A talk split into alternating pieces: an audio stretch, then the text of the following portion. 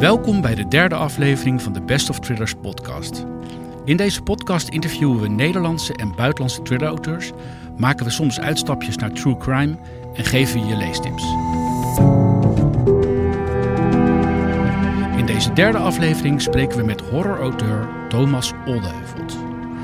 Oldeheuvelt debuteerde in 2002 op 17-jarige leeftijd met De Onvoorziene en brak in 2013 zowel in Nederland als internationaal door met Hex. Daarna verschenen Echo en Orakel. Orakel staat op de shortlist van de Gouden Strop. Oldeheuvelt werkt op dit moment aan een nieuw boek dat dit najaar onder de titel November zal verschijnen. Thomas, welkom. Leuk hier te zijn, Mark. Gefeliciteerd met de nominatie voor de Gouden Strop. Ja, super. Om daarmee te beginnen. Uh, die zag ik niet aankomen. Nee? Nee, nee. Nou, grappig genoeg, uh, mijn, mijn uitgeefpapa vroeger, dat was Jacques Post. Uh, bij mijn oude uitgever. Hij was een beetje de, de, de guru van fantasy op dat moment. Hij nam mij onder zijn hoede. Mm -hmm. En hij is, hij is de bedenker van de Gouden Strop, vertelde hij me ooit. Um, en zelfs toen al, toen we erover praten, dachten we, ja, het zou toch tof zijn als een keer een, een boek waar iets meer genre in zit. Waar, hè, van mijn boek hebben altijd vleugje horror natuurlijk. Ja. Als dat een keer genomineerd zou worden. Maar eigenlijk had ik er niet meer op gerekend. Omdat normaal gesproken wordt heel veel misdaad en, en true crime inderdaad en zo genomineerd daar. Maar nee, dus ik zag het niet aankomen. Maar ik vind het wel heel erg leuk. Ja, precies. Dus uh, jij, je, wil hem, je wil hem winnen. Absoluut, Ja. absoluut. Ja. Ja, nee, als, ik- als ik ergens voor ga, dan wil ik iets winnen. Ik ben, ik ben drie keer in mijn leven genomineerd voor de Hugo Award in Amerika. Dat is een, weet je, de grootste prijs voor science fiction verhalen is dat. En Mhm. ik ben er de eerste twee keer dat ik was genomineerd ook naartoe gegaan, naar de uitreiking. Dan zit je in zo'n volle zaal, ben je bloednerveus. En dat is een, een, een, een award waar gestemd wordt door het publiek. Mhm. En beide keren in de categorie waar er vijf genomineerden, waar ik in was genomineerd, eh werd ik vijfde. Dus toen de, ik voor de derde keer werd genomineerd, dacht ik van, nou weet je wat, fuck it, ik ga er gewoon niet heen. Want het was helemaal in the middle of nowhere ergens. Ik voel iets aankomen. En die derde keer won ik, toen zat ik dus thu- thuis voor de livestream te kijken. En, dus ja, nee, toen was het eh, vijf uur s'nachts en toen, eh, toen won ik die award in Amerika. Ja. Oh, wat fantastisch. En toen? Ja, was, was dat in de tijd dat je dan ook al een online verbinding kon, kon, kon maken? Ja, ja, het was 2015. Zo, zo heel oud ben ik ook nog niet. Dus dat, wat dat betreft valt het weer mee. Maar nee, dat, eh, dat, dat klopt. Ik, ik kon het allemaal live zien. En ik kon niet live mijn, mijn eigen speech doen, dat niet. Maar een, Nee. eh, er, wa- er was een eh, Pat Cadigan, een Amerikaanse schrijfster, vriendin van mij, die had het voor me geaccepteerd en mijn speech gedaan. En ze hadden ook de vertaler een award gegeven. Dat vond ik wel heel leuk. Lia Belt was dat. En Het was het eerste vertaalde verhaal ooit dat die award won. Fantastisch. Ja. Hey, je zei het al, jij schrijft spannende boeken, maar eh, geen thrillers, maar jij schrijft horror. Eh, Ja. Hoe is dat zo gekomen? Waarom schrijf jij horror? Nou, ik, ik ben mijn hele leven lang opgegroeid met spannende verhalen. Ik denk, het grootste goed wat je een kind kunt geven is een verhalenverteller. Ik had er twee. Mijn opa vertelde mij verhalen. Mijn oom vertelde me verhalen voor het slapen gaan. En beide hadden ze een beetje...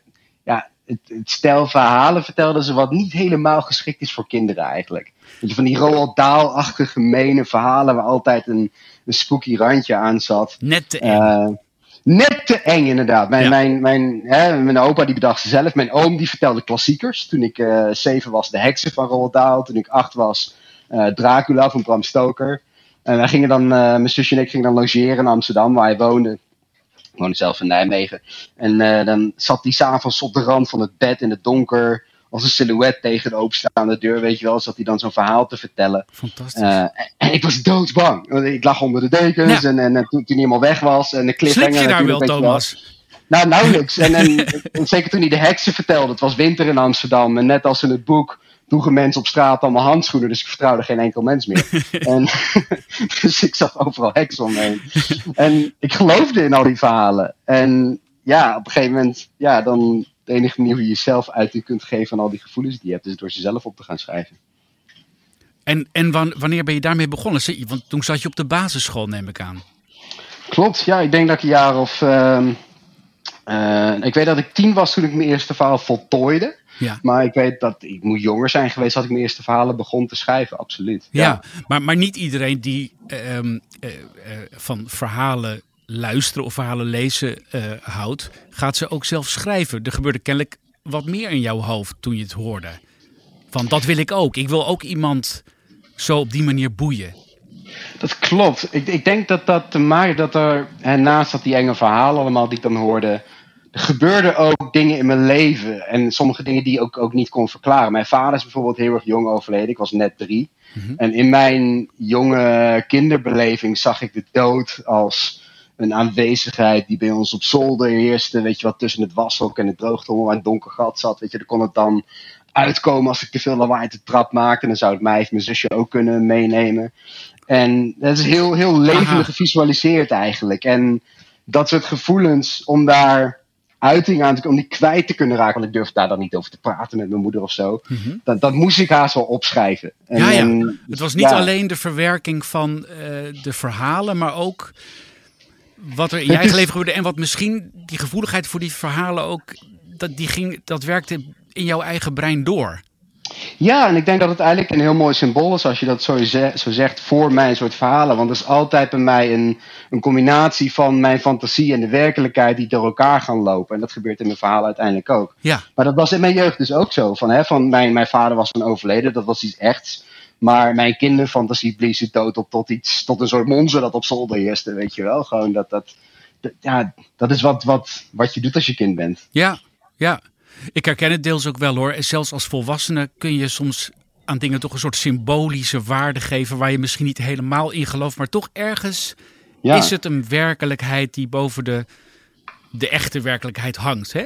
De, Klopt. En Ja. ik denk dat, dat, dat, dat goede raken dat, ja, dat stukje kindsdeel ook nooit echt kwijt of zo. Dat, dat, dat, en ik denk, hè, van, het is hetzelfde als je, als je gewoon lezer bent en je houdt van boeken lezen, of je kijkt naar films, of je kijkt naar series op streamers of wat dan ook, of je speelt games. ja, We hebben allemaal die kinderlijke beleving dat we toch, als we iets zien wat eigenlijk niet kan, dat we er toch in gaan geloven. Ja. Dat als we s'nachts het licht uitdoen, dat we toch een schaduw in de slaapkamer zien staan, ja. waar we bang voor zijn. Of weet je wel, en dat, Ja, dat ik hou, zit er af toe, ik hou er af en toe gewoon rekening mee hoor, Thomas, dat er opeens iemand in mijn kamer staat.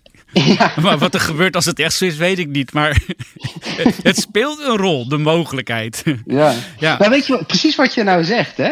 Van eh, mijn boek Hacks, dat is dus in iets van 30 landen, geloof ik, wereldwijd eh, verschenen. En ik ben een paar jaar geleden op tournee geweest langs heel veel van die landen. Ja, En waar, terwijl ik ook, ook was, of het nou Brazilië was, of China, of Noord-Amerika, of door heel Europa, overal hebben lezers een soort universele angst voor, inderdaad, jij in je veilige omgeving, in je slaapkamer, in je bed. ja, En dan het onbekende wat daar kan binnendringen. Wat daar aan het eind van je bed staat met dichtgenaaide ogen naar je te staren. Weet je Ja, wel? Gewoon ja. dat, dat, die universele angst voor iets wat jouw enige veilige plekje kan binnendrinken. dringen, Welke cultuur je ook uitkomt, dat kennen we allemaal. dat is universeel. Hè? Dat zit Ja. in ons brein gewoon. Wellicht, is, het, wellicht is het een editie van doodsangst of iets dergelijks. Hè? Of, maar toch ook wel het. gewoon voor, voor pijn of verlies. Of, of, of ja. Ja. Ja, de angst Want zelf. dat, want, want dat doen uiteindelijk goede griezelverhalen. Die raken onze echte angst. Uiteindelijk, ja, zo- zo'n boek kan gaan over een heks of over een,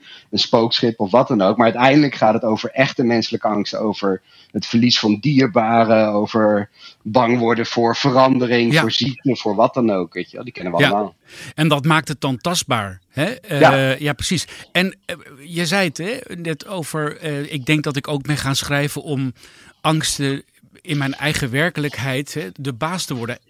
Heeft dat dan geholpen? Heeft, het, heeft dat iets gedaan? Ik denk zo door de jaren heen wel, absoluut. Kijk, ik ben nog steeds best wel een scheidluis. Ik, als ik in mijn eentje thuis, ik, ik, woon in, ik woon in het bos. En als ik in mijn eentje thuis ben, dan ga ik hier s'nachts geen enge film kijken of zo. Nee, dan, dan, nee. Dan, dan heb ik toch hetzelfde nog van, eh, nee, nee, dat komt te dichtbij. Oh nee, ik zet hem af. Weet je Ja, wel? ja, Eh, en tegelijkertijd is ook lekker natuurlijk. Maar, maar ehm, ja, juist doordat je dan, dan, dan schrijft over enge dingen, dan, dan krijg je er controle over. Mhm. Ik krijg ook heel vaak de vraag van, ja, maak je jezelf wel eens bang als je aan het schrijven bent? ja, Eh, Ja. Dat is zelden het geval, omdat als je schrijft, dan heb je macht, dan heb je controle. Dan ben je de god over je wereld die je schept. En Mhm. dan, ehm, het- ja, dan, dan, omdat je die controle hebt, ja, kun jij het sturen en kun je het zo eng Exact. maken als je wil. En kun je precies, precies verplaatsen die personages, wat die gaan voelen als, als er dit of dat gebeurt. ja. Maar toch kun je het sturen. Precies. Een dergelijke vraag wilde ik je ook stellen. Moet je zelf bang zijn voor iets om er dus overtuigend over te kunnen schrijven? Maar uh, misschien moet ik hem herformuleren tot: moet je voordat je gaat schrijven bang zijn voor wat je gaat beschrijven? Nou, misschien wel een beetje inderdaad. Van, kijk, die, die, uiteindelijk zijn dingen symbool, wat ik al vertelde, hè, voor, voor, echte angst die we allemaal kennen. Ik ben, mijn grootste angst is ook om dierbaren te verliezen. Dat is denk ik getriggerd door de dood van mijn vader. Ik heb heel jong afscheid moeten nemen van iemand. Nou, ik heb daar mijn leven lang last van gehad. Als ik in mijn jonge jaren hè, instabiele relaties had die kapot gingen. Nou ja, dan uh, was ik er een jaar kapot van. Mm en ook van vrienden afscheid. Ik vind dat heel lastig. En, en uh, dus, dus natuurlijk, en dat, dat, dat komt dan ook terug in mijn, in mijn boeken. En dat heb ik daarnaast ook allerlei heel, uh, ja, uh, mundane angsten, heel, heel aardse angsten. Gewoon, ik ben ook bang voor spinnen bijvoorbeeld, of voor donkere plekken, of voor grote hoogtes als, het, als je niet goed vast zit. Ja, klimbergen, maar toch. Weet je wel, van... Misschien ook niet toevallig dan, het bergen klimmen. is dat ook een uitdaging? Is het ook het opzoeken van een angst? Ja, ik vind het wel spannend om grenzen op te zoeken. Een, van de, een van de meest nare diersoorten die er bestaan, vind ik de haai. Mhm. ik, ik, weet dat ze niks doen. Ik weet dat het heel mooie dieren zijn. Die, wij doen hun meer kwaad dan zij ons. Maar toch, als je die mel ziet opengaan, dan lijkt het gewoon zo'n monster. Ja. En ik ga dan toch naar de Middellandse Zee en ga cliffjumpen. En elke keer dat ik dan een zee spring, ben ik dan bang dat er zo'n mel onder zit die dan open gaat, weet je wel. En toch doe ik het om het aan te gaan, om het op te zoeken. Ja, ja, en, en, en, en wat gebeurt er dan als je springt? Ik bedoel, heb je het idee dat je daarna het weer iets meer onder controle hebt? Of is het gewoon puur de ervaring, het is weer goed afgelopen, maar ik ga met evenveel angst nog een duik aan? Of, of zit er dan nou, een ontwikkeling in? Het is de kick inderdaad van het toch dan doen. Ik weet zeker tijdens de val van, oké, ik kom nooit meer boven, ik ga dood. en ik word opgevreten en uit elkaar gescheurd. Ja. Ehm, maar tegelijkertijd, dat gebeurt nooit. En dan kom je boven en dan, ah yes, weet je, hebt zo'n zo, zo euforie of zo. Ja, de overwinning. Ja. Ja. En je zei net al, um, um, ik combineer altijd uh, de realiteit met uh, dingen die niet kunnen dus het is niet zo dat in jouw boeken verhalen worden verteld die niet kunnen van A tot B. Er zitten allerlei dingen in die refereren aan de, aan de, aan het uh, aan de realiteit. Ja. In Orakel zijn dat bijvoorbeeld uh, de namen van een aantal gemeenten, het noemen van de Noordzee, dingen uit het verleden. Ja. en ook de nieuwslezer.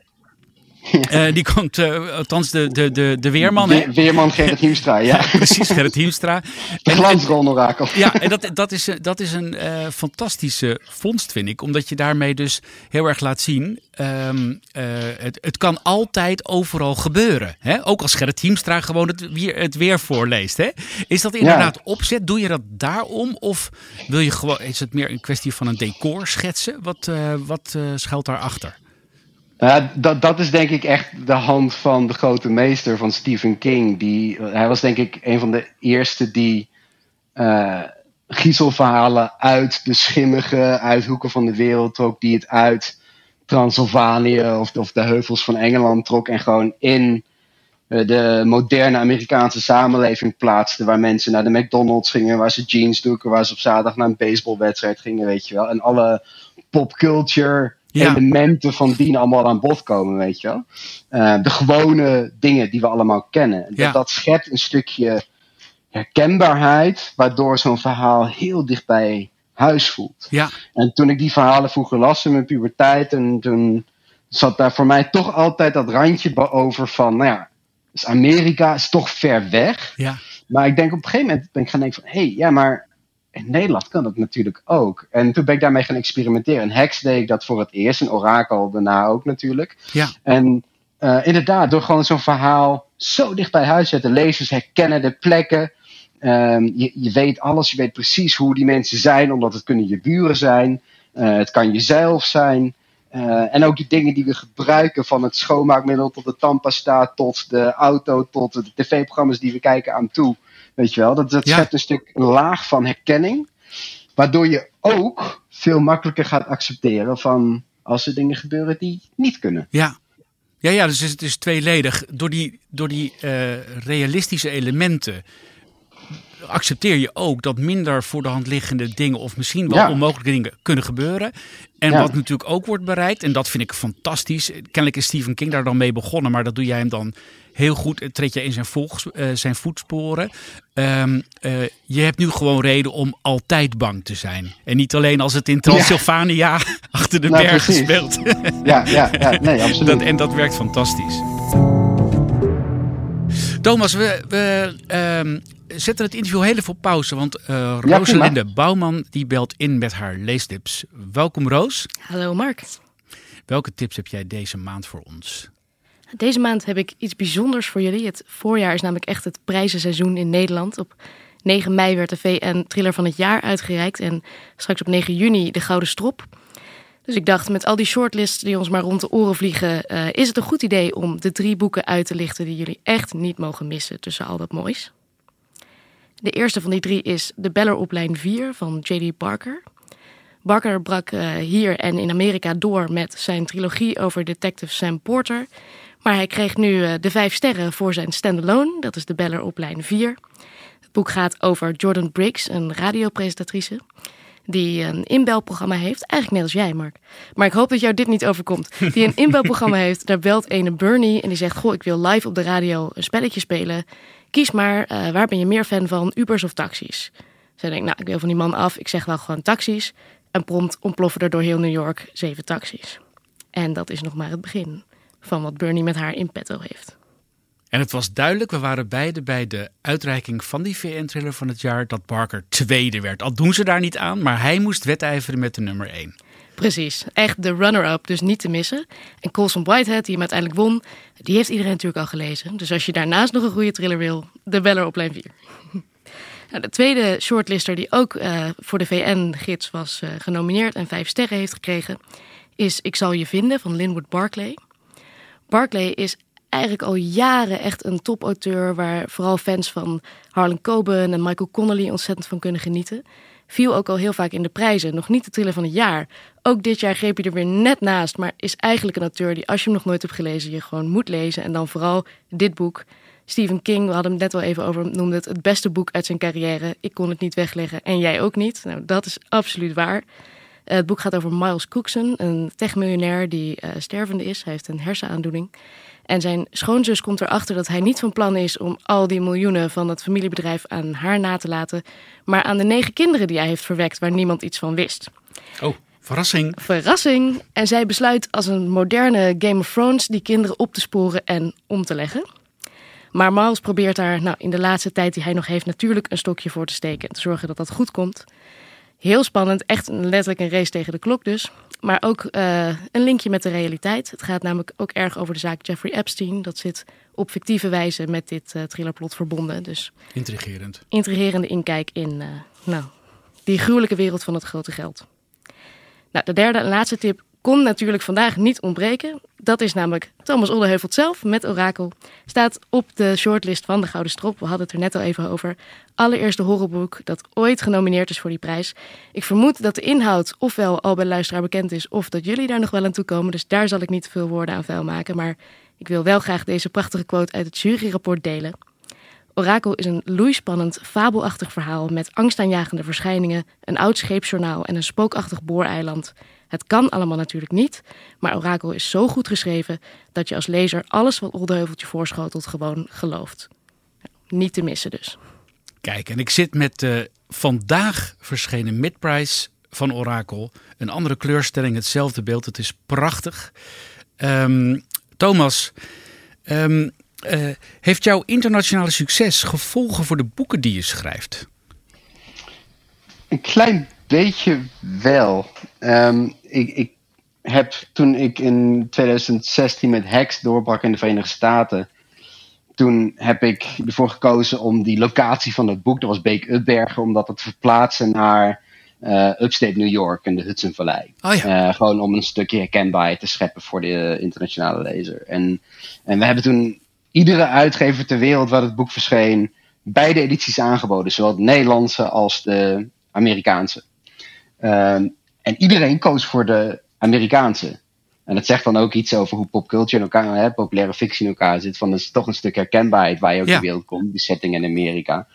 Nou goed, ik ben Orakel gaan schrijven en ik had toch zoiets van, nou nee, ja, ik vind dat dat, ja, ik wil mijn Nederlandse lezer ook gewoon veel plezier geven natuurlijk, weet je wel. Dus dat is echt een ontzettend Hollands boek. Ja, Uh, het speelt zich af in de Duinstreek, in de Bollenstreek. Uh, Nederlandse personages. Uh, Robert Grimm, het personage uit Hex, dat weer terugkeert in het boek. Het is een ontzettend Hollands boek. Ik heb nou toevallig net van de week de, de vertaling van Orakel gekregen. Het is overigens heel erg goed. Door Mos Gilula gedaan. Um, maar dat, dat moest ik bijvoorbeeld wel weer bewerken, omdat, wat ik al zei, Grimm komt terug als personage. In de Amerikaanse editie van Hex was Grimm een Amerikaans personage. oh ja. Ja. Dus ik heb een editie moeten schrijven waarin Grim als Amerikaanse specialist van het bovennatuurlijke naar Nederland wordt gehaald om de, dit voorval met dit schip te gaan onderzoeken hier bij onze geheime diensten. Um, dus in die zin ja, werkt het deze kant op natuurlijk. Ja.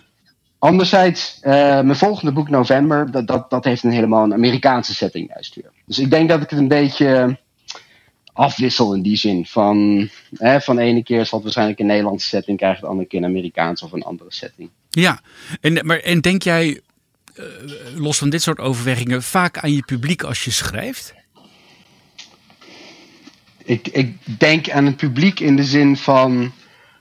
Um, ik wil je bang maken. ik heb, van, dat vind ik de lekkerste reactie op mijn boek als mensen me mailen van... joh, ik heb het gelezen, ik heb erom moeten lachen, maar ik kon er ook niet van slapen. Weet je wel? Van, of, of uh, ik, ging er s'nachts van dromen of wat dan ook. Nou, dan heb ik mijn werk goed gedaan. Ja, en dat is natuurlijk uh, universeel. Ja, precies. Ja. Nou, en en, en daar, daar, dus in die zin denk ik aan mijn lezer. Maar ik denk niet zozeer aan overwegingen als van... nou, werkt dit in dit land of werkt dat en of ga ik daar een grens mee over... Ik weet op dit moment bijvoorbeeld uh, mijn boek Echo, wat tussen Heks en Orakel in zat. Uh, dat is nou net in Amerika en Engeland verschenen en in Duitsland.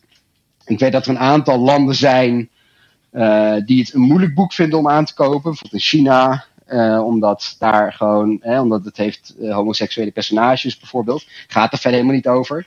Maar dan vinden ze dat toch een lastig onderwerp. Ja, ja. Of vinden ze dat lastig om, om te brengen daar. En dan gaan ze dat dan niet aankopen, weet je. Ja, dat is dan jammer. Maar ja, anderzijds ga ik me daardoor niet laten beïnvloeden om dat soort elementen wel of niet toe te passen. Nee, dat lijkt me heel goed. Dat lijkt me heel verstandig. Ja, nee, dat is gewoon waar het ja. verhaal om vraagt. Dat, uh, dat, dat, dat schrijf ik. Ja, ja. Hey, en um, uh, nadat jouw boek is gepubliceerd, wil je natuurlijk weten of de mensen bang zijn geworden. En volgens mij heb jij een vrij innige relatie met je publiek. Kun je daar wat meer over vertellen? Hoe je dat, uh, ja. hoe die relatie werkt? Nou, weet je van, voor mij is een, een verhaal gaat pas leven wanneer jij het leest. Als, als ik een verhaal schrijf, dan is het van mij. Dan mag ik ermee doen wat ik wil. Maar als ik het publiceer, dan is het van jou. En dan mag jij ermee doen wat je wil. En in jouw hoofd zien de personages er ook anders uit dan in het mijne. En mm -hmm. dat is goed, dat mag. Dat is de, de magie van, van, van de verbeelding. Ja. Um, dus ik vind die band tussen lezer en schrijver iets heel bijzonders. Ik vind het daarom ook heel leuk om te weten wie mijn lezers zijn. Om, om met lezers dingen te doen. Om, om, uh, ik, ik ga, Want je hebt voor Orakel bijvoorbeeld, uh, uh, dat weet ik, een enorme tocht langs boekhandels ge, gedaan. Maar helaas ja. was dat dan in, in, uh, in, in COVID-periode, waardoor je toch relatief natuurlijk weinig mensen hebt kunnen spreken, weinig lezers. Eigenlijk alleen de boekhandelaren ter plekke, of misschien af en toe eens wat, wat fans. Uh, dat, is, dat is je misschien uh, slecht bevallen. Althans, bedoel, dat is, je mist het ongetwijfeld. Nou, kijk, hè, we hadden allemaal te dealen met gewoon de pandemie en, en de gevolgen daarvan. Ik, vond, ik ben langs 155 boekhandels ja. geweest. En ik vond dat een fantastische manier om de boekhandel te kunnen ondersteunen. Maar ook tegelijkertijd gewoon toch die lezer die dan toch... Ook, ook, ook zij steunen de boekhandel door het daar te kopen. En dan kan ik het toch voor ze signeren en een persoonlijke boodschap inzetten. Ja. Natuurlijk mis je dan het persoonlijke contact. Nou ja, daar zijn de socials natuurlijk uh, handig voor. Ik ben actief op Instagram, op Facebook en zo. Um, maar natuurlijk zou ik het wel heel tof vinden als uh, dit najaar, als het allemaal weer wat soepeler blijft, hopelijk. Dat uh, we gewoon weer echt een groot feest kunnen doen met alle lezers op Ja. een mooie locatie, weet je wel. Gewoon dat dat, ja, uiteindelijk moet je het met elkaar vieren. Ja, ja een mooi beeld is dat. Eh, ik meen dat Harry Moeders dat ook iets heeft gezegd. Hè? Dus elke lezer maakt zijn eigen boek. Die, die, Ja. je, je, je, je, je deelt de verbeelding. eh, eh, jij, jij, jij maakt eerst iets met jouw verbeelding en vervolgens speelt er zich in ieders hoofd van de lezers een, een film af. Precies. Um, en heb jij, als je dan in gesprek bent met lezers, ook wel eens uh, ideeën opgedaan voor nieuwe boeken? Voor, oh, daar worden ze bang van. Zeker, uh, absoluut. Van, uh, dat kan overal vandaan komen. De mensen kunnen iets zeggen, of het nou lezers zijn of anderen die ik in mijn leven tegenkom. Gewoon van, je ziet iets, je hoort iets, dat blijft plakken. Er gebeurt zelden dat ik meteen denk van, oh, dat is een heel boek. Maar het is meer dat iets opzienbarends wat je meemaakt of ziet of hoort, dat blijft in je hoofd zitten. En op een dag komt het opeens samen met een ander idee of iets anders wat je hebt gehoord.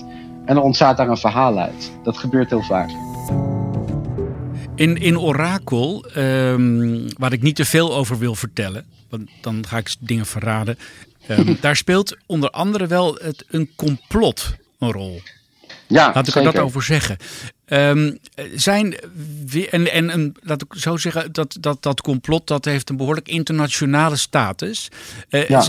En nou, nou roleren er nogal wat complottheorieën natuurlijk. En uh, nadat ja. Orakel is verschenen, is er een oorlog uitgebroken. En um, die ook een behoorlijke internationale impact heeft. Zijn, er, zijn dat soort complotten een inspiratiebron voor je geweest? Voor het complot in Orakel?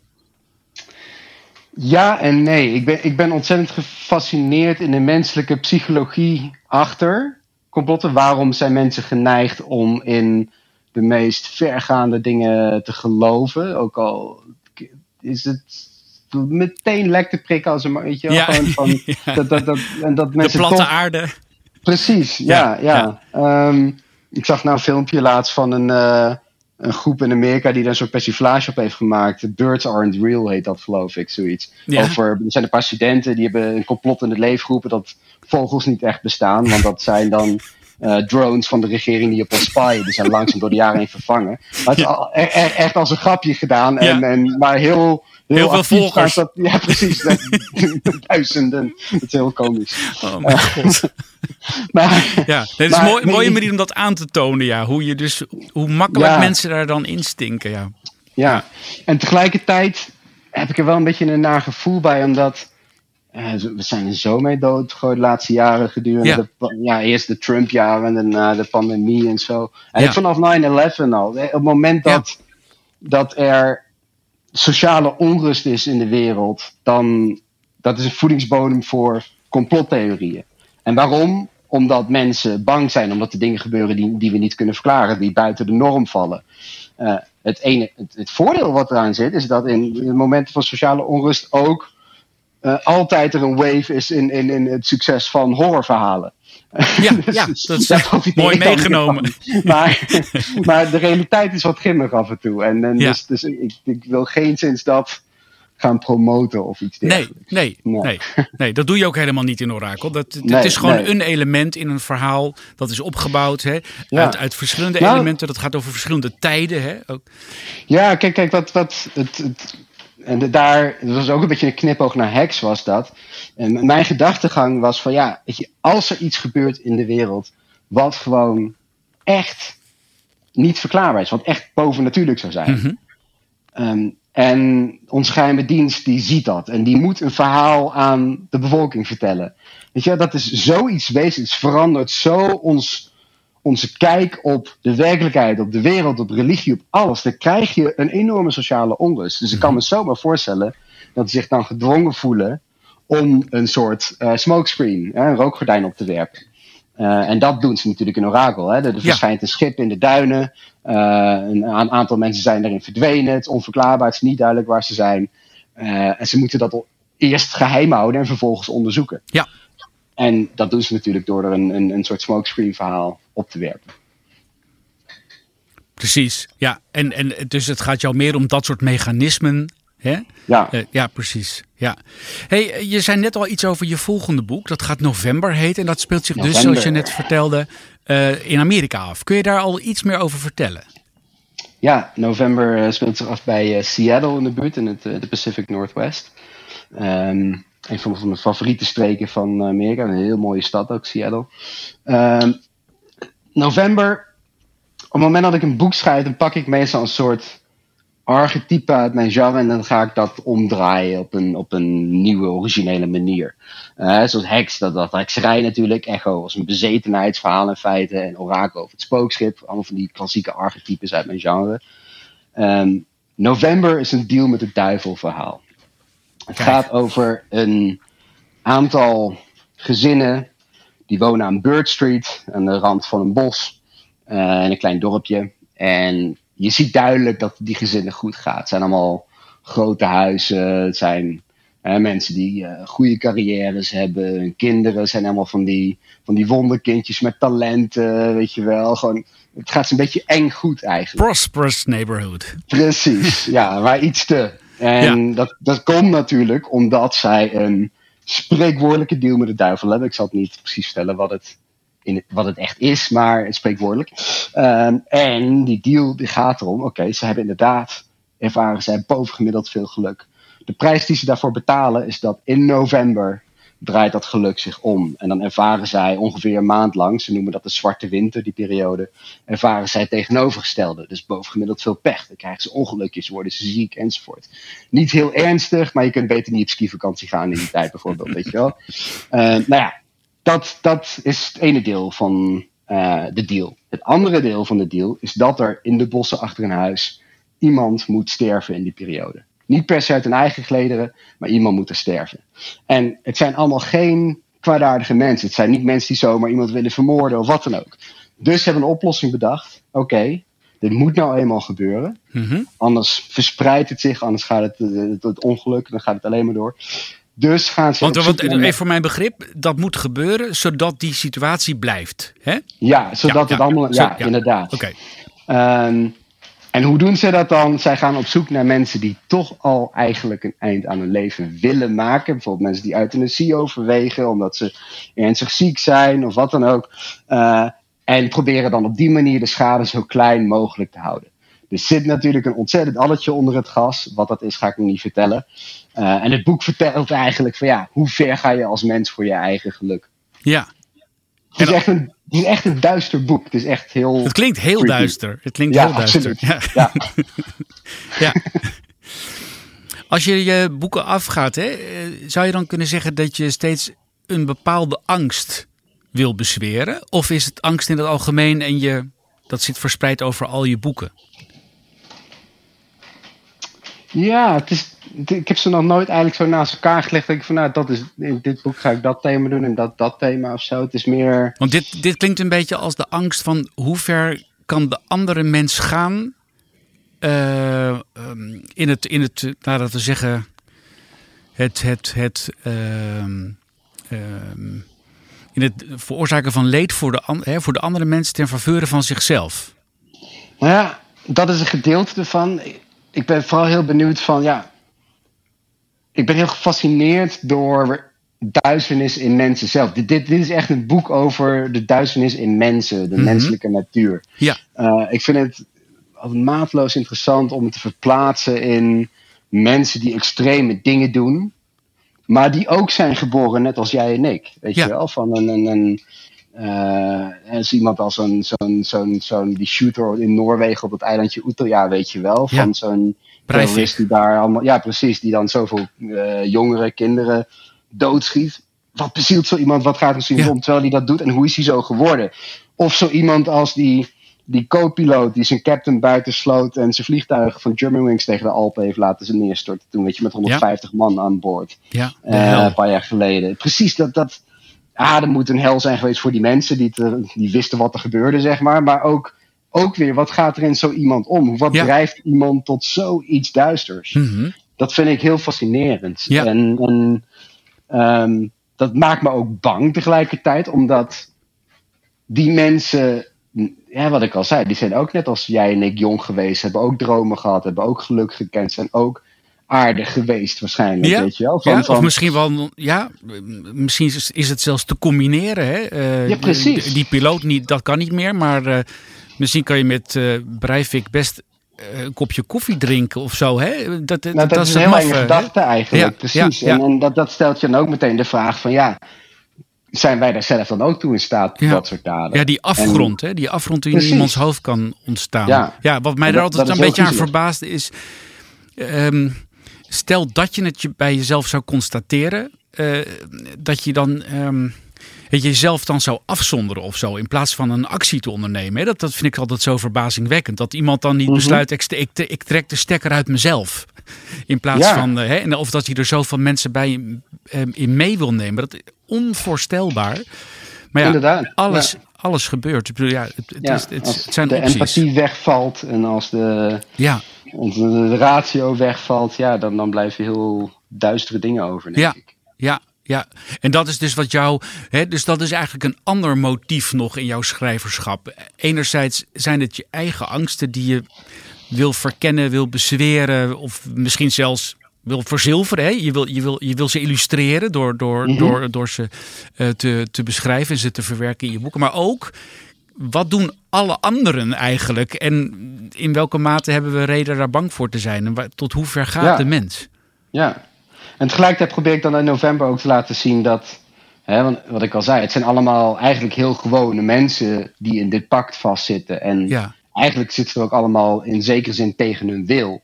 En probeer ik ook te laten zien dat goed en kwaad eigenlijk heel dicht bij elkaar liggen. En dat we ook hun kunnen begrijpen en daarin Ja. mee kunnen gaan. Ja. En dat, dat houdt dan weer een spiegel op tegenover onszelf. Ja, precies. En, en in die zin, het is dan dus niet alleen maar eh, dicht bij huis in de zin van dat de gemeente gewoon een, in dit geval Amerikaanse naam heeft en dergelijke. En dat, het, dat de auto voor het gewone eh, huis staat. Hè? Maar Mhm. ook in die zin dat het heel herkenbare mensen zijn. Die Ja. dingen zeggen, doen en, Ja. en eh, het eten op tafel zetten. En tegelijkertijd betrokken zijn bij een verbond, verbond met de duivel. Ik probeer mensen, of personages in zulke nare situaties te laten komen die we toch ontzettend kunnen voorstellen. Waardoor jij als lezer gaat afvragen, wat zou ik doen in die situatie? Zou ik iets anders doen? Zou ik iets anders kunnen doen? Ja. Of niet? Ja.